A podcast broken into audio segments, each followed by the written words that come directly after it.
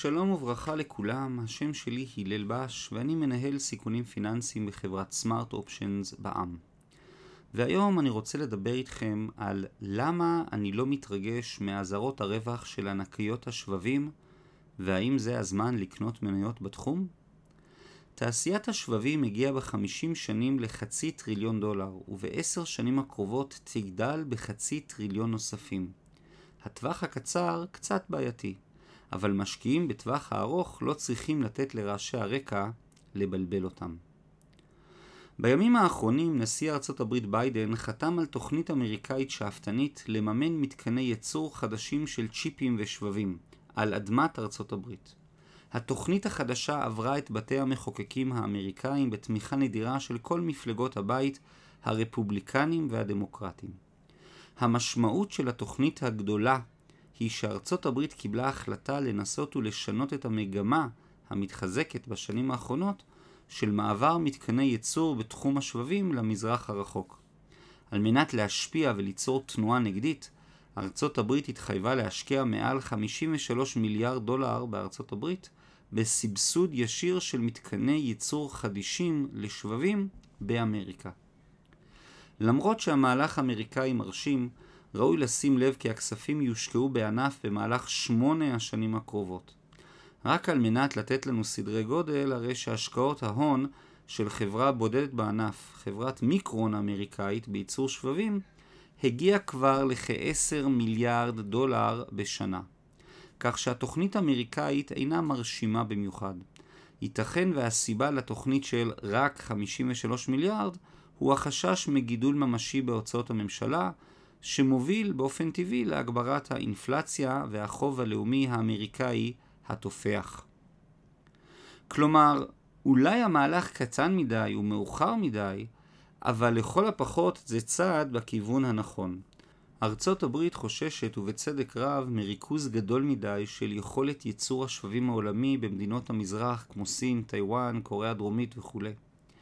נראה שישנה תמיכה רחבה ואפילו גורפת בקרב מקבלי ההחלטות בוושינגטון, שמדובר על סוגיה בעלת חשיבות לאומית ואסטרטגית לארצות הברית לטווח הרחוק. ראשי הקונגרס האמריקאי ביחד עם הנשיא הכריזו כי הם רוצים להחזיר את ארצות הברית לחזית תחום הייצור הטכנולוגי. תעשיית השבבים העולמית ידעה עדנה גדולה בתקופת הקורונה. אזרחי העולם שיהיו מוגבלים בתנועה ובסגרים שונים יצרו ביקושים אימתניים למוצרי טכנולוגיה. אנשים קנו הרבה יותר מחשבים ניידים ואישיים, טלפונים חכמים, מכוניות מתקדמות, מוצרי חשמל שונים וכו'. בנוסף, מגפת הקורונה והגידול בתעבורת האינטרנט שבעקבותיה הביאה גם לגידול משמעותי בביקושים המוסדיים הגדולים של שבבים לתעשיית מחשוב הענן העולמי. תחום מחשוב הענן נשלט על ידי שלושה שחקנים גדולים ומוכרים אמזון, מייקרוסופט וגוגל. חברות אלו עם תקציבי הענק ומוקד רווחיות ממשית בתחום מחשוב הענן יצרו ביקושים גדולים ומשמעותיים לתעשיית השבבים. אבל הביקושים הגדולים בתקופת הקורונה באו במקביל גם לשינויים מרחיקי לכת בתחום הלוגיסטיקה העולמית ולקשיים הממשיים בשרשרת האספקה העולמית. יצרני השבבים ברחבי העולם התקשו למצוא את כל חומרי הגלם הנדרשים להם. כמו כן בתקופת הקורונה היה מחסור ממשי בכוח אדם זמין ומיומן שיכול להפעיל ולתפעל את מתקני הייצור המתקדמים לצ'יפים. בנוסף, בגלל בעיות בתחום ההובלה הימית, יצרני השבבים לא הצליחו לעמוד בלוחות הזמנים של ההזמנות, והתוצאה הייתה קיטון בהיצע. מגפת הקורונה העולמית הובילה לשילוב מעניין של ביקושים מוגברים והיצע מוגבל. כתוצאה מחירים של שבבים האמירו ותרמו תרומה נאה לאינפלציה העולמית שאנו חווים כיום. כמו כן, למרות הקשיים הרבים של חברות השבבים בתחום הייצור, הרי שעליות המחירים הנרחבות הובילו אותן לרווחיות מוגברת ומפתיעה. ולא זו אף זו, בנוסף לרווחיות הגדולה של חברות ייצור השבבים בתקופת הקורונה, הרי שכעת החברות האמריקאיות כמו אינטל, מיקרון, אינווידיה ואחרות יזכו לסבסוד נדיב של הדוד סם שפתח את הארנק ומוכן לממן מתקני ייצור חדישים ומשוכללים. אזהרות בשרשרת למרות כל החדשות הטובות לענף בכלל ולחברות האמריקאיות בפרט, משקיעים רבים מודאגים מאוד. תעשיית ייצור השבבים האמריקאי נתון נותן איתותים לא טובים בחודשים האחרונים. במקביל להכרזה על ממשל ממשלת ארצות הברית, מיקרון הזהירה השבוע על היחלשות ממשית בביקושים לשבבים. כתוצאה, מיקרון הכריזה על הקטנה ניכרת בתחזית ההשקעות ההוניות לשנת 2023. האזהרה של מיקרון היא רק האחרונה בשרשרת של ידיעות פחות מחמיאות לתעשיית השבבים. לפני ההצהרה של מיקרון באה אינווידיה בתחילת השבוע והודיעה על כך שלא עמדה בציפיות המכירות שלה, ולפני שבועיים אינטל הכתה את השוק ההון עם ההכרזה על קיטון ממשי בביקושים והפסדים ממשיים לרבעון הראשון של 2022. כל אלו הינם תוצאה ישירה וממשית לסימנים להאטה במכירות של מוצרים עתירי שבבים, כמו מחשבים אישיים וניידים, טלפונים חכמים, מכוניות משוכללות ואפילו שרתים לתחום מחשוב הענן. נראה כי הביקושים הגדולים של שבבים מתקופת הקורונה הולכים ונעלמים. על כן, למרות ההכרזה של ממשלת ארצות הברית על תוכנית סבסוד לתעשיית השבבית האמריקאית, מניות הענף נמצאות דווקא במגמת ירידה. תעשיית השבבים ידעה, ידועה כענף מחזורי במיוחד, הכוללת תקופות גאות של הרחבה והשקעות הוניות גדולות, ותקופות שפל של צמצום ועודפי ייצור ניכרים. נראה כי שוק ההון מתקשה להכריע אודות עתיד הענף.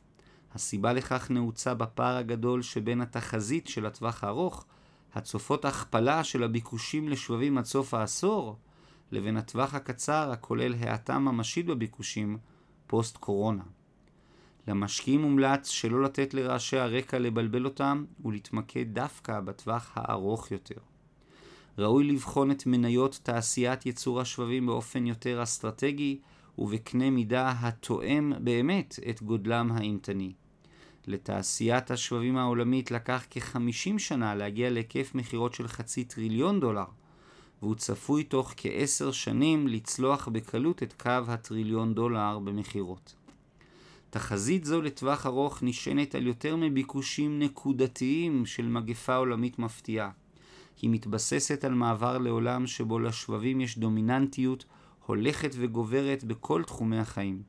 קשה להתעלם מהמהפכה הטכנולוגית המהירה הסוחפת את העולם, ולקראת הכניסה של רכבים אוטונומיים משוכללים, הקצב רק ילך ויגבר. הביקוש העולמי לשבבים צפוי לגדול מאוד בשנים הבאות, ולהתרחב לתחומים חדשים וחדשניים. נראה כי ההכרזות של חברות ייצור השבבים האמריקאיות נועדו יותר לצרכים פוליטיים מול מקבלי ההחלטות בוושינגטון, וקצת פחות מבטאים קיטון ממשי ומתמשך לטווח ארוך בביקושים לשבבים. החברות האמריקאיות מיטיבות לשחק את המשחק, מנצלות את תקופת הפוסט-קורונה ומציגות מול מקבלי ההחלטות מצג של חברות מסכנות בשוק מורכב עם הרבה חוסר ודאות. אבל לאמיתו של דבר, חברות, חברות אלו נמצאות במקום הנכון ובזמן הנכון. הם יקבלו סבסוד מהממשל האמריקאי, יקימו ויפתחו מתקני ייצור חדשים באמריקה, וימשיכו להרוויח עוד הרבה הרבה שנים. בשבוע האחרון נוכחנו לראות מן הצד האחד תוכנית אמריקאית גדולה למימון וסבסוד ייצור השבבים באמריקה. ומן הצד השני הכרזות חוזרות של חברות ייצור הצ'יפים על קיטון בביקושים וברווחיות. ההאטה בביקושים של תקופת הפוסט-קורונה עלולות לבלבל משקיעים רבים שחושבים שהענף סובל מירידה אסטרטגית וארוכת טווח בביקושים למוצריה. אבל בחינה קצת יותר מעמיקה תגלה שהביקושים ארוכי הטווח לשבבים צפויים רק לעלות ולעלות, ואינם באמת מושפעים מהותית מהחזרה לשגרה שלאחר מגפה עולמית. השם שלי הלל בש, אני מאוד מודה לכם על ההקשבה ומקווה לראותכם בפרק הבא. תודה רבה רבה וכל טוב להתראות.